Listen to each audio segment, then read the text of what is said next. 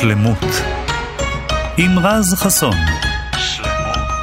התוכנית שלמות מוגשת להעשרה בלבד ואינה מחליפה חוות דעת רפואית. שלום לכם, כאן תרבות 104.9 וגם 105.3 FM וגם באפליקציה שלנו, כאן אודי, אז אם אתם מאזינים לנו אה, דרך האפליקציה, אז uh, בוקר טוב לכם, אחר צהריים טובים או לילה טוב, תלוי מתי אתם uh, מאזינים לנו. אנחנו בעוד תוכנית של שלמות, התוכנית השלמה לרפואה משלימה.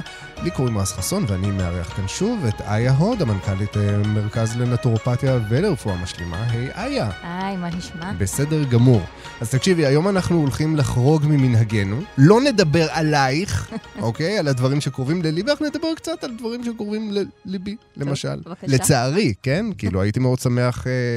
להגיד אחרת, אבל uh, אני לפחות על, ה, על הנייר, לפעמים גם, ב, גם ברמה האבחנתית, uh, אסתמטי. כן, אז אתה רומז שאנחנו הולכים לדבר מגיל, היום על אסתמה. מגיל מאוד צעיר, כן. כן. אסתמה, אסתמה זה משהו ש, שליווה אותי uh, לא, לא מעט שנים מחיי, ואסתמה זה... זו מחלה קשה, בגדול. כן, זה לא מצחיק, ואני זוכרת גם כילדה, תמיד יש את הילד הזה בכיתה שמסתובב עם האבנטולין, עם המשאף הכחול הזה. נכון. ו- ועושה את ה... אתה יודע, את ה... את ה-inhaling. כן. אמ, אצלי גם היה את זה בבית, אה, אימא. כן, אה, שהיא אסתמטית. אמ, וזה לא מצחיק, זו מחלה מפחידה. זו מחלה מפחידה בעיקר גם כי היא לא צפויה ברמת ה... כמה רחוק ההתקף הזה בעצם ייקח אותך. נכון. ולרוב גם ברגע שאתה מרגיש שהוא התחיל, אתה יודע בדיוק אמ, איך הולכת להתפתח אה, הכרוניקה של, ה, של ההתקף הזה. נכון. אז בדרך כלל, אה, בוא נגיד היום, היום כבר אולי אה, לרוב, פחות מתרגשים מאסתמה במובן הזה שהיא באמת... נקרא לזה, נשלטת גם במצב של התקף אקוטי, זאת אומרת, בן אדם שכרגע יש לו התקף, וגם ברמת הטיפול המונע. הרבה חולי אסתמה נמצאים במעקב אצל רופא ריאות ומקבלים בנוסף לא, לאותו אה, משאף SOS ונטולין שפשוט מציל אותם. נכון. ממש ככה, מציל נכון. אותם מחנק. מציל אותם ממוות. ממוות, נכון. בעצם. אה, מקבלים גם אה, אה, אה, תרופות אה, מונעות, נדבר על זה אה, בהמשך, בגדול מבוססות אה, סטרואידים נכון. ומרחיבי אה, סימפונות. סימפונות, נכון. אז, אז בואי נתחיל בלדבר בעצם על האסתמה עצמה. מה זה אסתמה? אנחנו יודעים איך נראה בן אדם ש... ש... שנמצא בהתקף אסתמטי, אנחנו לרוב יודעים גם איך הוא נשמע. אני מאוד מקווה שאתם לא יודעים, כי זה מראה ומחזה מאוד מבהיל. כן. במיוחד אם אותו בן אדם מגלה שהמשאף שלו נגמר. או-הו. או ש... שזה לא מחריף לק... את ההתקף, כן, אגב. כן, נכון, זה מכניס פאניקה, וגם uh, הרבה פעמים שכחת לצאת עם המשאף. נכון. זה קורה. ואז אתה מגלה שהוא לא עליך, זה גם חלק מאוד רציני בעניין נכון. הזה, האחריות. ההתנהלות הזאת, כן. נכון. טוב, קודם כל מדובר בחסימה של דרכי אוויר וקוצר uh, נשימה. Um, יש קושי במעבר של אוויר לריאות, יש היצרות של דרכי הנשימה, ההיצרות הזאת יכולה או כתוצאה מלהיות מבצקת, ריר uh, שמופרש ביתר שאת, uh, uh, תגובה, בדרך כלל זה לתגובה אלרגית, ועם הזמן פשוט יש תהליך דלקתי כרוני שם. שפשוט מופיע בכל פעם שאתה נחשף לסוג של טריגר שמדליק ומצית את נכון, התהליך הזה. ותכף נדבר על הטריגרים וכל הגורמים האלה, אבל חשוב להגיד שהמשאף הזה שאמרת שהוא באמת מציל חיים, הוא לא מטפל בדלקת, הוא רק כרגע מרחיב את ה... צינורות... את, את הסינפונות. כן, כדי שאפשר יהיה לנשום, אבל זה לא מטפל בדלקת. הסטרואידים בדרך כלל הם אלה שמייעדים כדי לטפל בדלקת, גם יש היום תרופות ביולוגיות, אבל לצורך העניין, פשוט מחלה התקפית, מחלה כרונית, מחלה דלקתית, מאוד מאוד נפוצה. בדרך כלל הסימפטומים זה, חוץ מקשיי נשימה, קוצר נשימה, מדברים, בטח אנשים שמעו את המילה צפצופים. צפצופים. כן, אני מצפצף, כי יש את הצפצופים האלה שקשה להכניס אוויר, אז גם שומעים את הלכה. נכון, מבעבעת. כן, ויש גם שיעול כרוני, ו... אז כחלק מהטיפול אנחנו מתייחסים גם לתסמינים האלה. וכמובן שהטיפול, אחרי זה שנדבר עליו, יש טיפול אקוטי ויש טיפול... טיפול כרוני למניעה באופן, באופן כללי. עכשיו, נכון. רק כדי שאנשים יוכלו אולי לדמיין את זה קצת יותר, יש את הריאות, הריאות בעצם מורכבות מסינפונות. יש, כן. יש נודיות ריאה. נכון, יש מה שמכונה העץ הברונכיאלי, שזה בעצם כמו סוג ברוקולי, של... אני אומרת את נכון, זה כמו נכון, ברוקולי. נכון, נכון, זה נראה בדיוק כמו ברוקולי, כמו השת... הסתעפות נכון. של ברוקולי לכל מיני ענפיפים קטנים. כאלה. אז בעצם תחשבו על מצב תקין שבו באמת ה... אה, הדרכים האלה, דרכי הנשימה האלה, פשוט פנויות לחלוטין, נכון? נכון. ומאפשרות אוויר הזרמה נכנס, של אוויר יוצא, כן. חמצן ואוויר. ובמצב אה, במצב לא תקין, במצב של התקף אסתמה, אנחנו בעצם מדברים על היצרות של הפרוזדורים האלה בעצם. ודלקת. וכמו שאמרת, כן, אה, זה סוג של חומר רירי כזה, צמיגי. בעצם לחה כזו, כן. שבעצם גם מצמצמת את המעבר. וגם בעצם סותמת אה, נודיות קטנות של ריאה ולא מאפשרות לאוויר להיכנס, וכל, נראה לי, אה, מישהו שחולה אסתמה, שמאזין לנו, מכיר את התחושה הזאת שגם אם הוא מצליח בקושי רב להכניס אוויר, יש סוג של חוסר סיפוק כזה, אתה לא מרגיש שאתה באמת לא סופח את הכנסת החמצן. אוויר עד הסוף. בדיוק, תחושה שלא הצלחתי להכניס אוויר עד הסוף. בדיוק, זה ממש ממש מלחיץ. נכון. ממש מלחיץ, אבל אה, יש, אגב, זה- אפשרות, יש אפשרויות אה, אה, לשלוט בזה. נכון, וזה גם מצב שהוא יחסית מאוד נפוץ, אה, 10% מהמבוגרים, 15% מהילדים. זאת אומרת, זה משהו לא נדיר בכלל, אפשר גם לסבול בכל גיל. אה, בנים פי שתיים מבנות. או, הנה, את רואה, בדרך כלל כן, אנחנו מקפחים כן. את הגברים בעניין הזה, אבל נכון. פה אנחנו מככבים דווקא. נכון, הרבה פעמים גם שומעים רופאים אומרים את זה, אם זה אצל ילדים, אה, אה, אז אומרים בדרך כלל, זה, כמו שזה בא, זה גם עובר לבד בגיל ההתבגרות. והרבה פעמים זה באמת ככה. כן. אז אני הייתי, האמת הייתה לי נסיגה אה, במשך אה, שנים ארוכות, אה, וזה משהו שחוזר. עכשיו, יש, אה, אה, אה, לפחות ממה שאני שמעתי, רוב הרופאים אה, אומרים שאם לקית באסתמה, בגיל מבוגר היא תחזור. זה סוג של הבטחה כזו.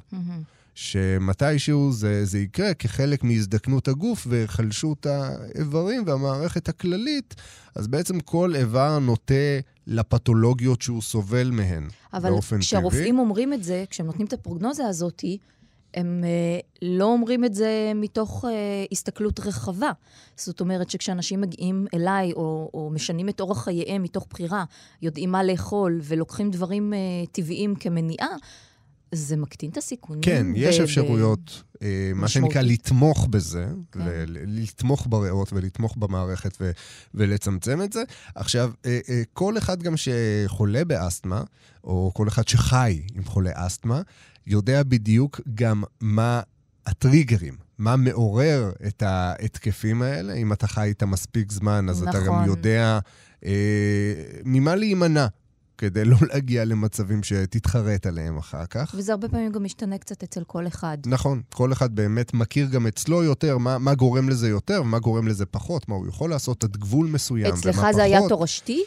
אצלי לא, זה לא היה תורשתי, אה, אבל אה, עוד פעם, יש לזה היבט, אה, היבט מעניין, כי כששואלים תורשתי, אז אם זה תורשתי מערבי, אז לא היה שום, שום סימן כזה. זאת אומרת, שני ההורים שלי, שניהם לא לוקים באסתמה, אבל דווקא מבחינה סינית, כששואלים את השאלה אם זה תורשתי, אז בוא נגיד שאני נולדתי עם אסתמה, במרכאות, בגלל אורחות חייהם של אה, הוריך. הוריי. מהמם. כן, שזה גם משהו שנעסוק בו מעט בהמשך.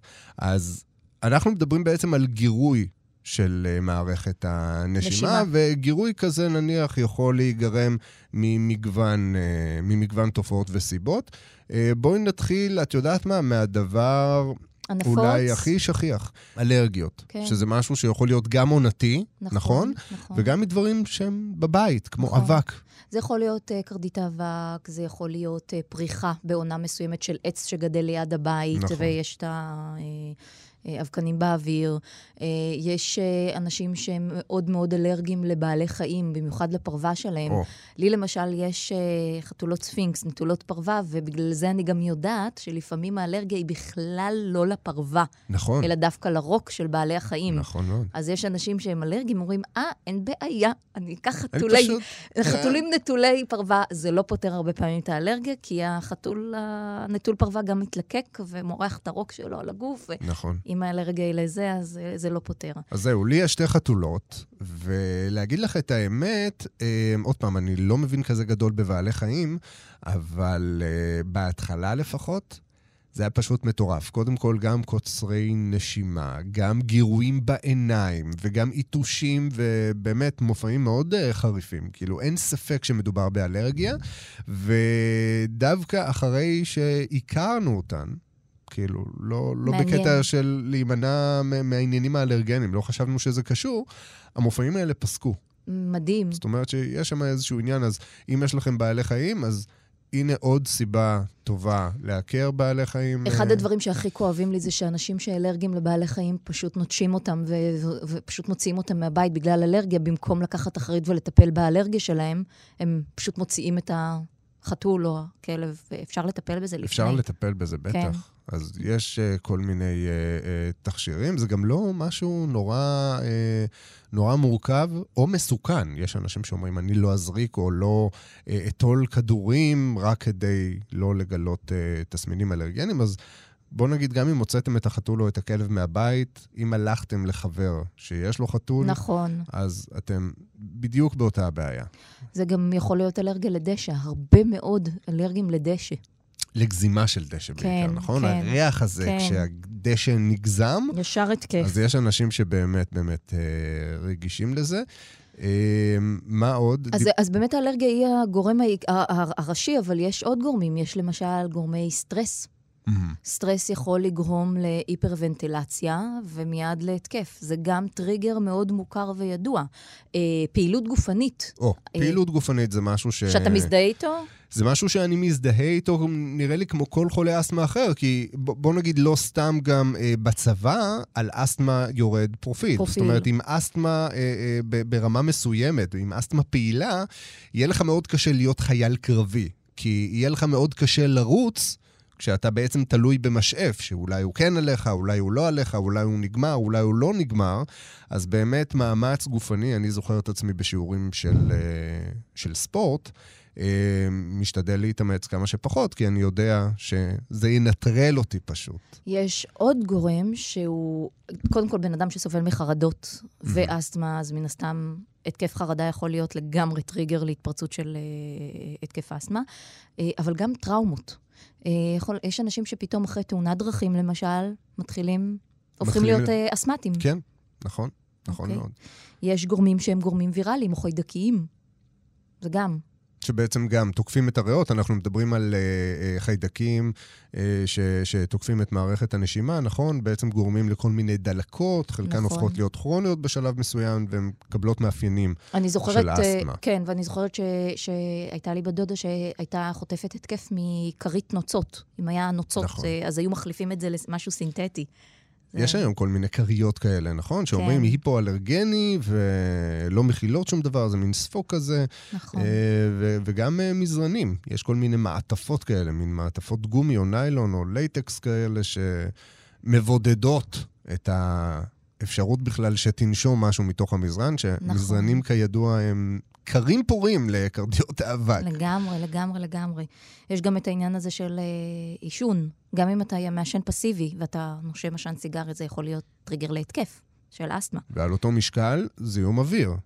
אם נכון. אתם צועדים לכם ברחוב, אין ספק שעכשיו פליטת אגזוז של אוטובוס, לגמרי. שעמד איתכם אה, ברמזור, יכול, אה, יכול להדליק משהו כזה. יש גם גורמים וטריגרים תזונתיים. אני זוכרת שכשגרתי בתל אביב, okay. אוקיי. מרגיש כאילו לפני 200 שנה, הייתי עוד צעירה ורווקה, והיה לי זוג צעיר, זוג שכנים, שהיו להם שני ילדים קטנים. הקטנה הייתה בת ארבע והגדול היה בן שבע. שניהם היו אסתמטים קשים, הם היו כל היום על אינהלציות ומשאפים בבית. ויום אחד פגשתי אותה במעלית, בחדר מדרגות שם, ואמרתי לה, תקשיבי, אני נטורופטית. אמ, חשבת להפסיק להם את כל הבמבה מילקי וזה? אני לא אשכח את התשובה שלה. הפרופסור אמר שזה הכל שטויות, וזה לא קשור לכלום. אחרי שנה היא ניגשה אליי ואומרת לי, תקשיבי, המצב לא טוב. אני רוצה לעשות ניסיון. היא לא עשתה הרבה שינויים, גם עם ילדים זה הרבה יותר מאתגר. ילד לא ברור. לא מוותר כל כך מהר על הבמבה והמילקי שלו, אבל uh, היא הורידה להם uh, מוצרי חלב. היא עשתה ניסיון מאוד קצר, משהו כמו שבוע, שבועיים. שקט תעשייתי. שינוי דרמטי. דרמטי. אתה יודע שבמדינות לא מפותחות, שלא חיות על התזונה שלנו, על התזונה המערבית, כמעט וזה לא קיים. אה, זאת אומרת, צריך, הקשר התזונתי הוא מאוד אה, חזק. הקשר התזונתי, הקשר הסביבתי, שזה מאוד. בא ביחד. אז באמת באזורים פחות מפותחים, איפה שלא תמצאו הרבה כלי רכב וגם לא כל מיני 7-11 עם כל מיני חטיפים ודברים וגלידות. אז, אה, אז גם פחות. ואנחנו בעיקר, זאת אומרת, אם אנחנו מחפשים איזשהו מאפיין, איזשהו, אה, אה, איזושהי הגדרת על אה, למזונות המעוררים האלה בדרך כלל, זה, זה גם מזונות לחוטיים, נכון? שהם מאוד. מייצרי לחות. מלאכה, כן. אנחנו תכף נתעכב על זה כשנדבר על תזונה. אוקיי, ו- וזאת. באמת מילת ה... אחת ממילות המפתח. זה ממש מזונות שנחשבים... באסתמה. כן, זה ממש מזונות שמקוטלגים כמזונות אלרגניים, עם אה, נטייה ליצירת אה, לחה. ליצירת לך. כן. יש גם גורמים הורמונליים, הרבה פעמים נשים אה, או נערות, דווקא לפני ביוץ או מחזור, פתאום מהמם. מתחילות להיות... אה, יש נטייה ליותר התקפים. אז יש גם את העניין הזה. אמרנו הורמונלי, יש כן. גם מופעים כאלה בהיריון או לאחר הריון, נכון. שפתאום... יש מאין, פתאום נכון. מתחילה להתפתח איזושהי תופעה כמו אסתמה. אמ, יש אז- גם תרופות מסוימות, יש אנשים אסתמטיים שאי אפשר למשל לתת להם אה, אספירין. נכון, נכון. זה בעצם מה שנקרא אה, תנגודת הזו, זה כן, הקונטראינדיקציה, קונטראינדיקציה. שבעצם אני למשל גם, יש uh, תרופות, אם אתם הולכים, נניח, אם אתם uh, חולי אסתמה, הרבה פעמים שואלים אתכם, הרבה פעמים, אני אומר הרבה פעמים, כאילו אנשים הולכים למיפוי עצמות כל שני וחמישי, אבל אם אתם הולכים למיפוי עצמות, או, או אפילו uh, בדיקת uh, CT מסוימת, או MRI שמזריקים איזוטופים, תמיד שואלים אתכם, האם אם אתם אתם? אסתמטיים. כי אז לא מזריקים לכם את החומר הזה, כי זה יכול בעצם להביא להצרה של אה, דרכי הנשימה. עכשיו, בקרב אנשים בריאים בדרך כלל, אז זה משהו שלא קורה כל כך מהר, אבל אם יש לכם את הנטייה הטבעית הזו, אז בדרך כלל מעדיפים להימנע מזה. ו- ולא להזריק את החומרים האלה. אז בואי נדבר רגע על שיטות טיפול מערביות. בשיטות הטיפול המערביות, כמו שאמרנו, הזכרנו קודם בהתחלה, מבוססות אה, אה, סטרואידים, שבעצם מה שהם עושים, הם לוקחים את החדר הצר הזה, שכרגע מלא בעוד כל מיני דברים שמפריעים לאוויר להיכנס, מרחיבים אותו קצת. אז, זה יותר אה, התרופות מהמשפחה של הוונטולין, שהם מרחיבי אה, אה, דרכי נשימה. כן. הסטרואידים גם עושים את זה, אבל הם יותר בקטע של לפנות ולטפל בדלקתיות הזאת, מהמם. בגודש הזה. זה בעייתי. זה בעייתי לאורך זמן לקחת סטרואידים, במיוחד אם יש אפשרות אה, לנסות דברים טבעיים. כן. אה, אנחנו לא שוללים את הרפואה הקונבנציונלית, וגם הסכמנו בינינו שזה מציל חיים. בוודאי, חד משמעית. אבל, אה, אבל חשוב לדעת שיש עוד אופציות ולקחת אחריות. אה, דרך אגב, כשאתה היית, עשו לך את האבחון של ה... עם הספירומטר? כן, אתה... כן. זה מין צינור כזה שמחובר למכשיר לצג, ואתה לנשוף? פשוט נושף הכי הכי חזק לך. שאתה יכול, עד שנגמר לך ואז אתה ממשיך. הוא אומר לך, תמשיך, תמשיך, תמשיך להוציא, הוא ממש רואה את הגרף ובודק את... אה, לראות כאילו- כמה אתה... מס... מה, מה ה-capacity, מה... בדיוק, בדיוק. בדיוק, ממש ככה.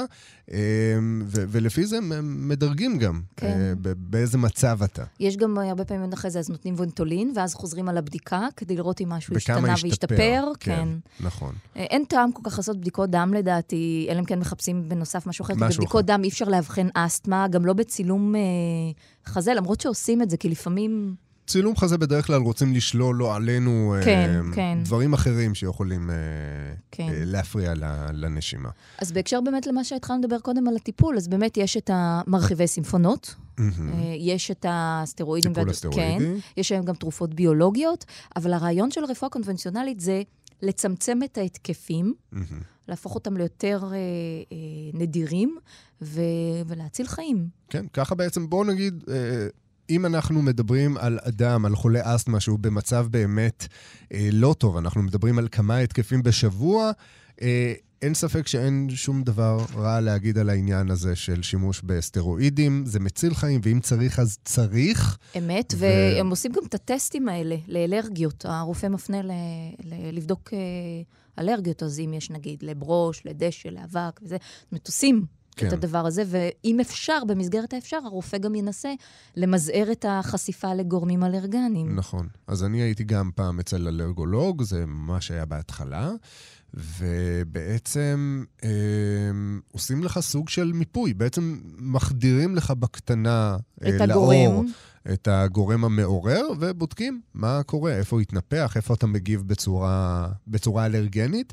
ואז נותנים לך מפרט אה, מפורט מאוד. של כן. זה, אני ברוך השם אלרגי כמעט לכל דבר, ולכן גם מומלץ אה, לכל מי שמשנה סביבת מגורים, אה, גם אם הוא היה אסתמטי בעבר, בעיקר, יותר נכון, אם הוא היה אסתמטי בעבר, לעשות בדיקה אצל אלרגולוג, כי הרבה פעמים השינוי בסביבת המגורים משנה את ה... באופן טבעי, את החשיפה שלך לאלרגנים שעד היום אולי לא ידעת שאתה אלרגי אליהם, כי לא גדלת בסביבתם. אז אני נניח גר במושב עכשיו, ופתאום יש לי ממש מחוץ לסלון אה, עץ הדרים, נניח, או עץ זית. אני לא יודע באיזה רחוב בתל אביב, נניח, יש לך מחוץ לחלון עץ זית או עץ תפוז, אז אם אתה אלרגי לזה, רוב הסיכויים שבתל אביב אתה תחשוב שאתה בסדר גמור, ופתאום עברת למושב ואתה מגלה שאתה מתקשה בנשימה.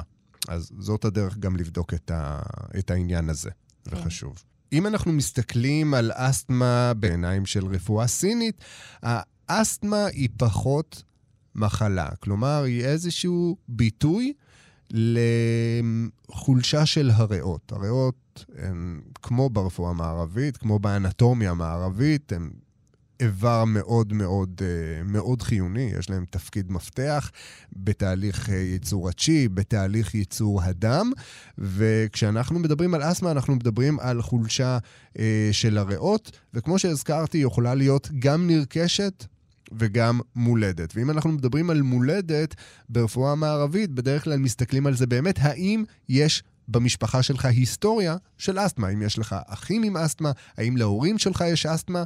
ובדרך כלל, אם לא, אז הם לא יודעים כל כך להסביר למה פתאום לך יש אסתמה.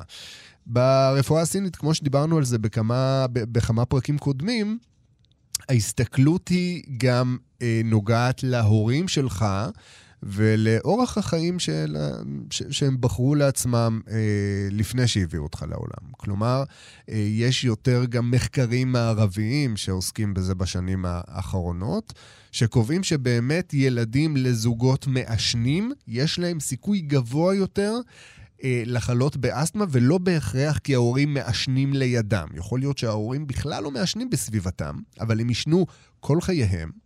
ומה שברפואה הסינית קוראים לזה, הילד נולד עם קונסטיטוציה לאסתמה. בעצם הריאות החלשות שלך, שאיתן נולדת, בהנחה ויש לך אסתמה מלידה, זה בעצם בהשפעת...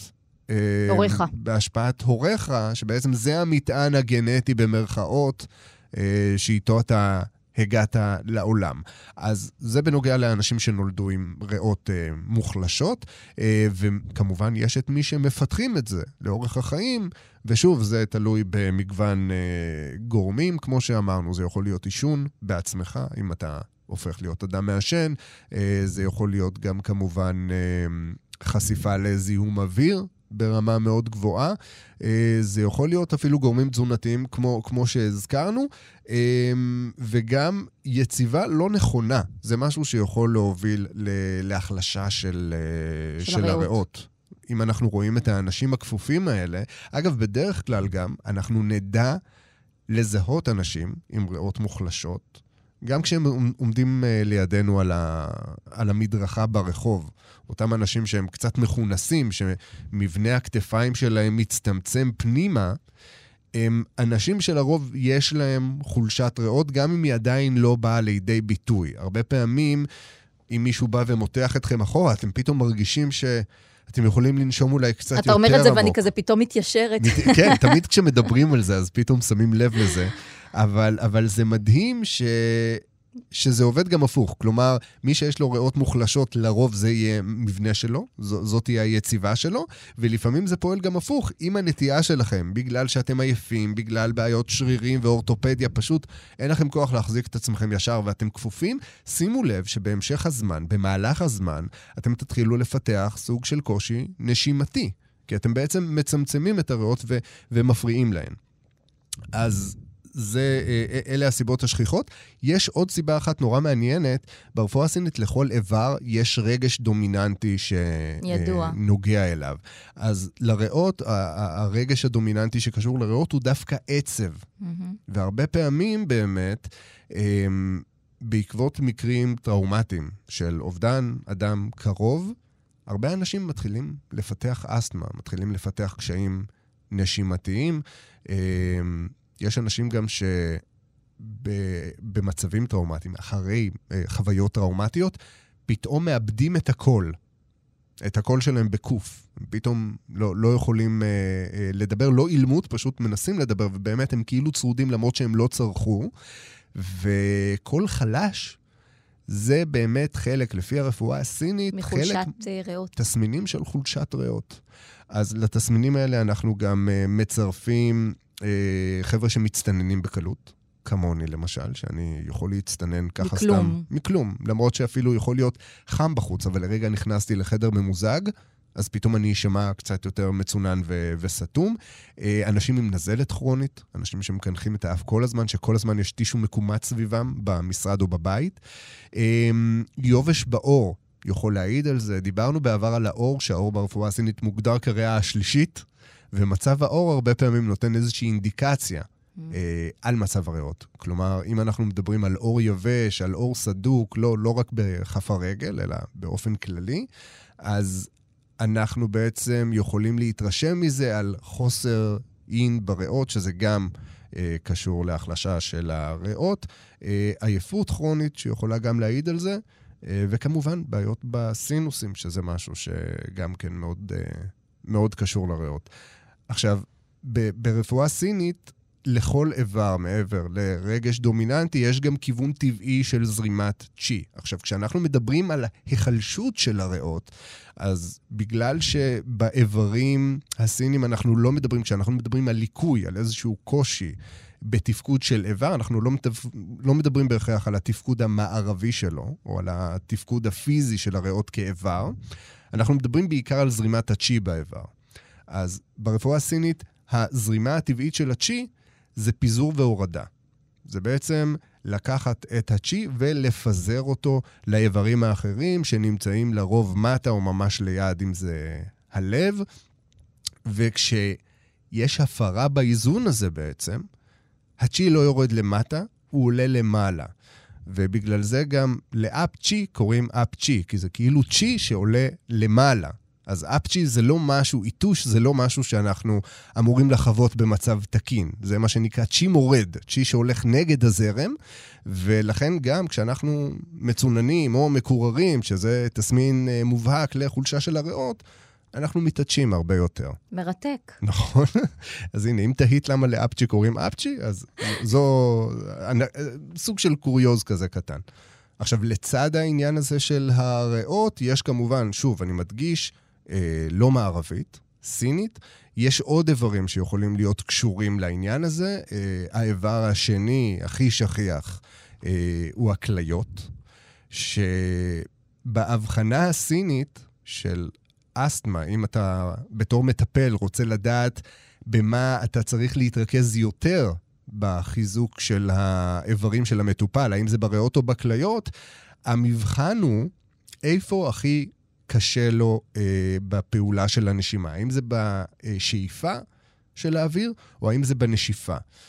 עכשיו, על פי הגישה הזאת בעצם, שאיפת האוויר היא באחריות הכליות שבעצם מעגנות את האוויר ומחזיקות אותו. כלומר, אם אתה מתקשה להכניס אוויר, אז אנחנו מדברים פה בנוסף לחולשה של הריאות, לחולשה... חולשת כליות. מאוד רצינית של הכליות, ולכן צריך לחזק גם אותן ולתמוך בהן.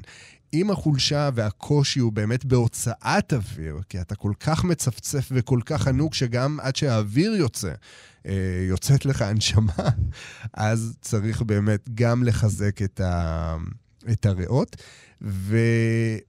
ופרוטוקול הטיפול במצבים האלה, מעבר לעניינים תזונתיים וצמחי מרפא, שעוד מעט נדבר על זה, העיקרון הוא באמת חיזוק של הריאות. יש נקודות דיקור שמסייעות בעניין הזה במצבים האקוטיים, ובמצבים האקוטיים, כמובן שאם מגיע אליי מטופל עם התקף אקוטי ויש עליו משאף, אני כמובן אייעץ לו קודם כל לקחת את המשאף, ברור. המחט לא תחליף את המשאף, אבל באופן, באופן קבוע אה, אנחנו בעצם פועלים לחיזוק הריאות. אם זה חיזוק יין הריאות, שזה בעצם החומר שמלכלח את הריאות. הרבה פעמים, גם כשאנחנו חולים ללא אסתמה, הרבה פעמים אנחנו היינו מקווים שהשיעול שלנו יהיה קצת יותר לח, כדי שנוכל לקייח אותו החוצה.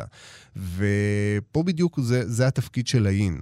האין הוא בעצם זה שמלכלך את הריאות, תורם ליכולת שלהם להתכווץ ולהתרחב ולפזר את הצ'י בצורה, בצורה תקינה, ובמצבים של חוסר בלנג, ב, באין של הלנג, אנחנו נחזק את, ה, נחזק את האין, נחזק את הכליות אה, בצורה, בצורה שוטפת, ברמה הכרונית שלהם, וככה אנחנו בעצם נצמצם את המופעים האלה לאורך זמן.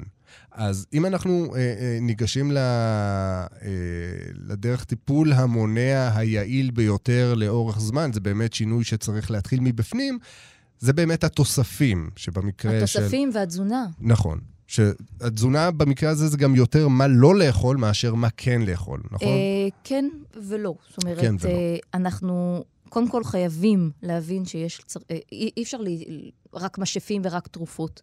אנחנו מבינים שזו מחלה כרונית ואנחנו רוצים שגם אם יש הפוגה גדולה, להקטין את הסיכוי שזה יחזור בגיל מבוגר. Mm-hmm. לכן התזונה ואורח החיים שנבחר מאוד מאוד ישפיע על זה. אז אנחנו נעבור לתזונה שהיא היפואלרגנית ואנטי-דלקתית. זה אומר בלי הרבה דברים. זה אומר בלי חלב, זה אומר בלי סוכר ובלי גלוטן. במצבים חמורים זה גם בלי גלוטן, לא רק של חיטה, גם של שעורה, גם של שיפון, גם של קוסמין. תלוי בחומרת המצב, בלי דברים לחטאים כמו בוטנים, בלי פירות הדר, בלי בננות.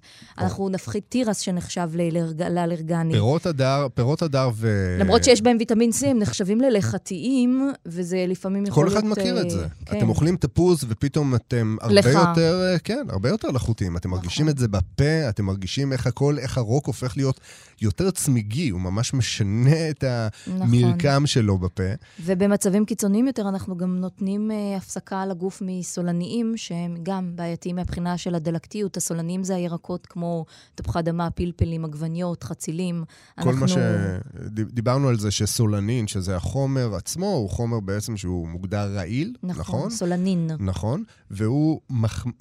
בעצם, לפחות גם ב... ב... ברפואה הסינית, גם במערבית. יכול הרי... להחמיר דלקתיות. בדיוק. נכון. כל מה שקשור גם לתפקוד של הכבד, הרי הכבד בתור מה נכון שמסנן מאוד. את נכון. הרעלים, הוא מנקה את, ה, את הדם.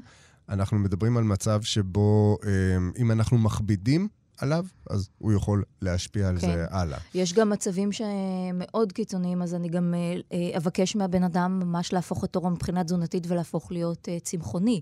אז אפשר לאכול דגים, להפך זה מאוד טוב לאכול דגים בגלל האומגה 3 שלוקחת את הגוף למקום אנטי-דלקתי, אבל אני אבקש ממנו להפסיק ביצים או בשר, הכל תלוי שוב בבן אדם. כן. ואז נשאר, ש... נשארת השאלה, אז טוב, אז מה נשאר לי לאכול? אז נכון, זה מתחיל הרבה פעמים מאלימינציה, ואנשים שאוכלים מאוד פשוט, אה, כמו דגנים נטולי גלוטן, זה יכול להיות קוסמת, זה יכול להיות אורז, זה יכול להיות קינוע, אה, אה, ו- ומערבבים את זה עם ירק ועם אה, פירות נכונים, ואגוזים ודגים, והמון המון דגש על ירקות שורש כתומים, כי יש בהם בטה-קרוטנים, והרבה דגש על אה, ירקות עליים ירוקים ועל המטהרים, כמו השום והבצל והבצל הירוק. נהדרים לך. אני לא יכולה לאכול משהו בלי שום. פחות לסביבה, אבל לך זה נהדר. אני מרחמת עליך, אז לפני שאני באה לשידור, אני פשוט נמנעת יום לפני. וואי, זה כן. אדיב מצידך. כן, תודה. אז, אז יש הרבה מה כן לאכול. זה, זה, אבל יש הרבה מה הרבה הימנויות שצריך להיות מודע עליהן. בדיוק. בוא נגיד, בשונה... העיקריים מ... זה סוכר, גלוטן ומוצרי חלב. כן. זה העיקרי. אז זהו, בשונה, בוא נגיד, אה, מאנמיה שדיברנו עליה לפני אה, כמה תוכניות, אה, דיברנו על מה, מה חשוב יותר לאכול כדי לבנות דם, אז באמת במקרים האלה של אסתמה או אלרגיה, יש באמת דגש מאוד גדול על מה להימנע. אמת. נכון? אמת, אמת. אנחנו גם, מבחינת תבלינים, אני אוהבת להמליץ על ג'ינג'ר, אלא אם כן יש אלמנט של חום. של ג'ינג'ר. כן. כן. אז אם, או שבן אדם יש לו חום יתר, אז אני לא אתן לו את הג'ינג'ר, כי זה תבלין מחמם, אבל ג'ינג'ר יכול לעשות מאוד טוב. כורכום, זה דבר שאני אוהבת לעבוד איתו. עשבי תיבול, במיוחד הטימין, תכף אני ארחיב, ארחיב עליו. וואי, טימין. כן. אני אוהב טימין. זה חשוב. אמ, אז הרבה פעמים במצבים קשים, שההתקפים מגיעים לעיתים קרובות, אנחנו פשוט מתחילים באלימינציה. אנחנו מורידים את הכל, שמים את הבן אדם על אורז, על ירקות, על דגנים נטולי גלוטן, על, על אגוזים, קטניות, שקדים, ופשוט מתחילים תהליך. אחרי שיש התייצבות, אפשר כבר להתחיל להוסיף עוד דברים לתפריט. אבל באמת העניין של התזונה הוא קריטי, ופה אני נכנסת גם עם צמחי מרפא. יש... אה, אה, צמחים, הם בעצם מתחלקים לקטגוריות, כי יש את הצמחים שמרחיבים את הסימפונות, יש את הצמחים שאני נותנת בשביל הדלקת, יש צמחים אנטי-אלרגנים, ויש צמחים שמסלקי לך, ויש מצבים שאני חייבת לתת צמחים מרגיעים, אוקיי? אם בן אדם נמצא בסטרס וזה הגורם אצלו להתקפים, דווקא הצמחים המרגיעים הם אלה שיעשו את העבודה הטובה ביותר. יש את הצמחים שאני נותנת לחיזוק חיסוני. אז אני רוצה להזכיר ככה, בוא נגיד, כמה צמחים. אני אבחר uh, מתוכם שלושה שאני ככה קצת ארד לעומק. אוקיי. Okay. Uh, ואחד מהם נקרא uh, אינולה הלניום, ובעברית טיון השמש, או טיון דביק. Oh. Uh, אז, אז השם הבוטני, כמו שאמרתי, זה אינולה אלניום. זה משתמשים, יש לו פרחים צהובים מאוד מאוד יפים, זה פורח בדרך כלל בקיץ בצידי דרכים באירופה, אמ, ומשתמשים בשורש של הצמח הזה. יש לו כמה פעילויות, הוא גם מקייח, זאת אומרת, הוא עוזר להוציא את הלכה ולפנות את הלכה החוצה. הוא נוגד שיעול, יש לו תכונה מעולה כאנטי-בקטריאלי. אה, הוא מכיל אה, חומרים ג'לטינים ריריים שיכולים לצפות ולהגן על הריריות הפנימיות של המערכת הנשימה. Mm-hmm. אז הוא גם מחזק אה, ועוזר לריפוי מחלות דרכי נשימה. הוא מאוד עוזר בלמנוע את ההתכווצות של, הדר... של דרכי הנשימה.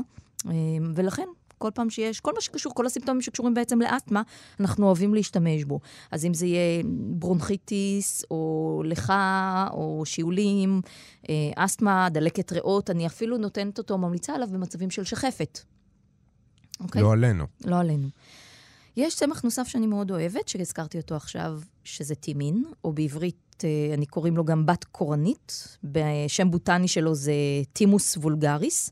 Uh, במקרה הזה אנחנו משתמשים בכל הצמח, גם בעלים, בכל הצמח. אז יש לו פעילות שהיא נוגדת זיהומים, הוא מאוד מחטא אנטיס, אנטי, אנטיספטי, מה שנקרא. הוא נוגד דווית, הוא מרחיב, הוא, הוא, הוא מרפא, מרפא שרירים, הוא מקייח, הוא נוגד שיעול, הוא מחזק uh, uh, את דרכי הנשימה העליונות, הוא מקטין הפרשות, הוא ממש, uh, אם יש לך, אז הוא מאוד עוזר לזה. אמ, הוא משפר את יכולת ההחלמה של רקמות פנימיות. אה, יש לו השפעה טובה, דרך אגב, גם על מערכת עיכול, כי הוא נוגד גזים מאוד טוב. אז אנחנו נשתמש בטימין כשאנחנו מקוררים, או כשאנחנו משתעלים, או כשאנחנו רוצים להוציא לך, או כשיש לנו אפילו שפעת, או הוא טוב גם בסינוסיטיס והצטוננויות, ובין היתר בנושא אסתמה, אסתמה ו- וברונכיטיס. אה, ומי שיש לו כאבי בטן הרבה פעמים, או בעיות עיכול, או שלשולים, במיוחד בילדים, אנחנו אוהבים לשים להם את זה בחליטה. לערבב בתי, להם את זה, לערבב כן. להם את זה. אה, דרך אגב, טימין בשימוש חיצוני, מאוד מאוד טוב לטפל בפטריות על האור. כשאת אומרת חיצוני, הכוונה במריחה, כן, נכון? כן. אוקיי. אוקיי. אני גם מאוד אוהבת צמח שנקרא דרוסרה. יש לו השפעה מאוד דומה לטימין, ואני אוהבת גם לשלב בתערובת הזאת של הצמחים את הפלנטגו, שעוזר לי מאוד לשיקום של הריריות הפנימיות, ושוב, הכל בהתאמה אישית. זאת אומרת, מרכיבים את הצמחים לפי הבן אדם. אמ, יש צמחים כמו שוש קרח, גליצרייזה, ככה זה נקרא. יש לו השפעה אה, דומה לקורטיזון, אבל הרבה יותר עדינה. כן, אני, הזכרנו את זה לדעתי כן, אפילו בתוכניות קודמות, כן, נכון? אני את תמיד, שלו. אני תמיד משלבת אותה גליצרייזה בפורמולה, אה, כחלק מהטיפול הזה. במיוחד אם בן אדם עובר אה, גמילה מסטרואידים. אז השוש קרח, הליקריץ... כי אז מה? כי אז הוא תומך ב... כן, כחלופה? כן, יש שם ממש... אה, אה, אה, במיוחד אם הגמילה מהסטרואידים היא מהירה, אז הוא יכול אה, אה, לעזור לגוף לעבור את זה ביותר בקלות, אוקיי? Mm-hmm. Okay? אה, הליקריץ, השוש קרח, אה, או בשם הבוטני שלו, גליצרייזה, אה, הוא גם אנטי-דלקתי. הוא גם אנטי-אלרגי, הוא גם מקייח, הוא גם מגן על, על רקמות פנימיות ומרגיע ומשכך. הוא גם מכיל uh, חומרים ג'לטינים ריריים שמצפים ומגינים על הריריות הפנימיות uh, מגירויים. יש לו uh, השפעה אנטי-ויראלית, הוא נוגד שיעול. הרבה פעמים אתה רואה שמכניסים אותו בכל מיני סירופים לשיעול. הוא גם, דרך אגב, משפר את הטעם, אז כשרוצים לשפר טעם, מכניסים אותו. אפשר להכניס אותו. כן. אה, ואוהבים לתת אותו בכל מה שקשור גם לדרכי הנשימה. אה, המרכיב שדיברתי עליו קודם, שהוא... אה, יש לו את ההשפעה הנוגדת דלקת האנטי-אלרגית, הוא נקרא גליצריצין. Mm-hmm. ובגלל שהוא משמש חלק מטיפול בחולי אסתמה, אז יש לו, יש לו מבנה כימי שדומה מאוד לקורטיזון, אבל הוא עדין יותר. Mm-hmm. זהו, אנחנו גם כמובן אוהבים לתת אותו בדלקות מפרקים בגלל ההשפעה הזאתי. כל מה שקשור לדלקות בגוף. אבל אם בהקשר לנושא שאנחנו מדברים עליו היום, שזה אסתמה, אז באמת, חלק מטיפול באלרגיות, חלק, חלק מטיפול באסתמה, בברונכיטיס, דלקת במיתרי הקול, שיעולים, לך, מעולה. מעולה.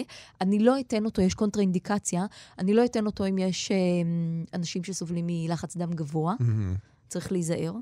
אתה יודע, אני, אני לפעמים ככה, יש לי איזשהו חשש שאנשים שומעים את התוכנית, שומעים איזה צמח שסיפרתי עליו, רצים לקנות אותו, מתחילים להשתמש בו, וכלום לא קורה. כן. אז אני, אני רגע רוצה לעשות ככה פאוזה ולהסביר שקודם כל, כמו שאתה הולך לרופא, לקבל תרופה שמתאימה ספציפית לך, לבעיה מסוימת, לבעיה מסוימת אתה צריך ללכת לנטורופט שמתמחה בצמחי מרפא, שיתאים לך את הפורמולה של הצמחים, ושיראה שאין קונטראינדיקציות עם uh, בעיות אחרות שיש לך ברקע, עם תרופות שאתה לוקח. זה מאוד חשוב, כי לצמחים יש גם תופעות לוואי. אז לקחת את זה באחריות. ועוד משהו, אני לא נוהגת להשתמש בצמחים בודדים. זאת אומרת, זה לא עובד כמו תרופה, אה, יש לך אסתמה, קח אה, ליקריץ. נכון. לא, זה מערך שלם של צמחים שמרכיבים אותם לפורמולה שלמה, שיוצרת איזשהו שלם גדול יותר, וכל אחד מהחלקים, כל אחד מהצמחים שם נותן מענה. אז זה מאוד מאוד חשוב להבין את זה. הציפייה של אנשים עכשיו, אה, שמעתי על הצמח הזה שהוא מפסיק... לא, uh... אנחנו רק פותחים את האופקים בדיוק. ונותנים את הרקע. יש אה, אה, צמחים מסוימים שיכולים לטפל בבעיות מסוימות, לעתים אפילו בהצלחה רבה, אבל באמת כדי לוודא שהוא מתאים לכן, כי מה לעשות, לפעמים, אה, מה זה לפעמים? אנחנו בני אדם, ואנחנו שונים זה מזה, וגם במצב הפיזיולוגי שלנו וגם במצב הפתולוגי שלנו, אנחנו לא אותו הדבר. אז למישהו יש קוצר נשימה והוא סובל מחום, ולמישהו יש קוצר נשימה והוא סובל מקור, ועד כמה שזה נשמע לכם זניח, זה לא. העניין הזה, זה לא, כי זה יכול לשנות באופן מהותי את התרכובת של הפורמולה לגמרי, שאתם תקבלו. לגמרי, וגם אתה יודע, יש כל כך הרבה קונטראינדיקציה, למשל השוש קירח הזה. אה, וגם הצמח הקוטם, אנחנו לא ניתן אותו בהיריון. אמ, בכלל, נשים בהיריון זה אוכלוסייה אחרת לגמרי. כל דבר שאנחנו מדברים נכון. עליו לא רלוונטי לנשים בהיריון. נכון. ויסלחו לי על ההשוואה, כן, אבל זה עדיין מקרים מיוחדים. לא עלינו גם חולי סרטן. ההתייחסות אליהם. היא שונה נכון. לחלוטין בכל דבר. גם אם אנחנו מדברים על אנמיה, גם אם אנחנו מדברים על פריחה בעור, כשבאים לטפל באוכלוסיות מיוחדות, מוחרגות, הטיפול הוא לא אותו טיפול. לחלוטין. אז השוש הקרח הזה, אה, אה, אנחנו לא ניתן גם אם יש ברקע בעיה של אה, כליה, מחלת כליה או היפוגליקמיה, ואנחנו לא ניתן אותו במקביל לתרופות הסטרואידליות, רק אם נעשה הפסקה. Mm-hmm. זאת אומרת, זה גם משהו שצריך לדעת עליו. אה, אם האסתמה היא על רקע אלרגי, אז אני עובדת יותר עם צמחים שיש להם השפעה אנטי-אלרגית. אני מאוד מאוד אוהבת את השילוב של קמומיל, של סרפד.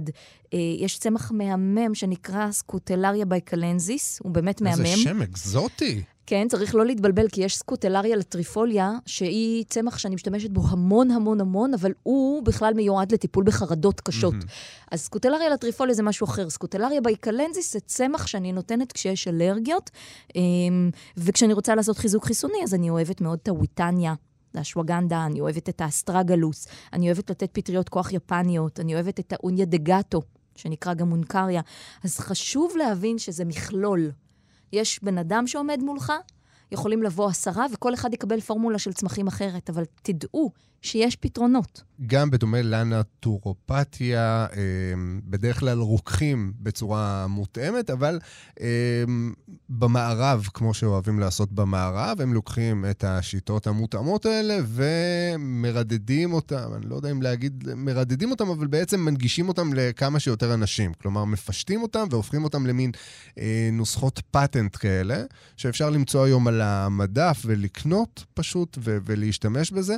אז אני רוצה לדבר על שתיים כאלה, של שני מקרים מסוימים, אבל שוב, בדרך כלל קונים אותם רק אם באמת הייתם אצל אה, אה, מטפל, שאגב, יכול, בגלל שרכיחה בדרך כלל היא גם יקרה יותר כלכלית, כי צריך להזמין את הצמחים ממקום מסוים ולרקוח אותם בעצמך, אז הרבה פעמים... אה, אה, פורמולה המטפל, מוכנה על המדף. אה. בדיוק, המטפל יפנה אתכם לקחת פטנט, בדרך כלל זה פחות יעיל בהשוואה לחלופה היותר מותאמת אישית.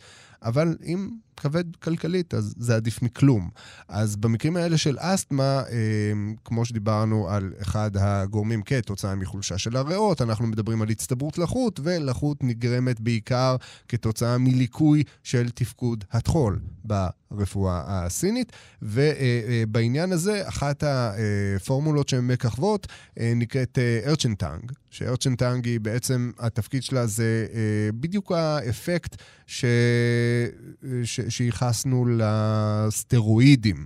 שהתפקיד שלהם זה באמת לפנות ולקייח ולסלק. ודלקת. אז, אז בדיוק, אז היא באמת אה, מתמירה ומסלקת אה, אה, לחות ולך על רקע של חולשה אה, בטחול.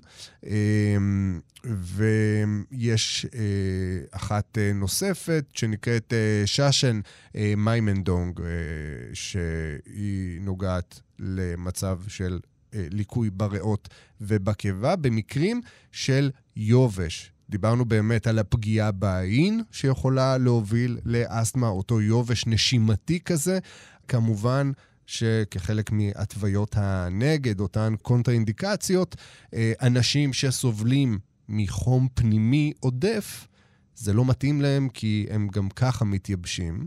אז... זאת אומרת, זה פורמולות מכונות שהן טוב לדעת שהן קיימות, אבל צריך לקבל להן הפנייה אחרי שהיית אצל מטפל. בדיוק. זאת אומרת... שזה אין, יתאים לך. אין חלופה פשוט לצורה אחרת של מרשם שנרק... שהתרופה נרקחת באופן, אה, באופן, אה, באופן ידני ומותאם אישית. אנחנו מדברים על משהו שאפשר לקנות מהמדף, אבל כמובן, אחרי המלצה של מטפל שבדק ויודע בדיוק מה כן לתת לכם, מה לא לתת לכם. אגב, כשאנחנו מדברים על התהליך הזה של רכיחת אה, אה, פורמולה אישית, מעט מאוד פעמים אנחנו ניתן את הפורמולה as is כמו שהיא כתובה בספרים. הרבה פעמים אנחנו נעשה מה שנקרא מודיפיקציה, שזה להוריד צמח אחד שפחות מתאים למקרה הזה, ונוסיף צמח אחר שיותר, או נשחק עם המינונים בהתאם למטופל, ונזכיר שתרופות מדף, אותם פטנטים, הם באים במינונים קבועים, זה ב-mass distribution. ו production, כן. ומייצרים אותם ומעמידים אותם על המדף עם נתונים קבועים. כן. אז קחו בחשבון, לכן גם האפקט שלהם לפעמים הוא גם אה, פחות יעיל. יש לנו זמן לאיזה כמה טיפים של תרופות סבתא? בוודאי. יש. אז יש קודם כל את הסירופ אה, בצל ודבש. או, שזה נפלא. פשוט חותכים בצל או לפרוסות או לקוביות, מכסים אותו בדבש ונותנים לזה לעמוד ללילה, ובבוקר אתם תראו שיש מין נוזל כזה. נכון. שהדבש הוא בדרך נורא. כלל, הדבש הוא בדרך כלל, המצב צבירה שלו הוא נורא סמיך כזה, נכון. ואחרי שהוא מבלה קצת עם הבצל, הם הופכים ממש למים, נכון? נכון, זה מאוד מסריח ומאתגר, אבל אם... כל שעתיים-שלוש לוקחים כף לפה, זה גם מחטא, זה גם עוזר לקייך ולהוציא את הלכה, זה גם מחזק את המערכת החיסונית, זה גם אה, אה, טוב אה, כאנטי-אלרגי ולווירוסים. זו תרופת סבתא שאני תמיד ממליצה SOS אם אתם במערכת חיסונית חלשה, התקררתם, אתם מתחילים עם אסמה וזה. שיעולים, שיעולים, שיעולים. שיהיה לכם על השיש את הדבש עם הבצל מוכן. Um, הרבה פעמים אני אוהבת לה, לה, להמליץ על זרעי פשטן שלמים שמשרים אותם במים, ואז החומרים המוצילגיים הריריים יוצאים למים ושותים את זה. זה מאוד עוזר לשיעול. פשוט זרעי פשטן, לוקחים 2-3 כפות זרעי פשטן שלמים, לא טחונים, שלמים, שמים במים רותחים. משרים. כן, נותנים לזה לעמוד זה. בדיוק, ושותים.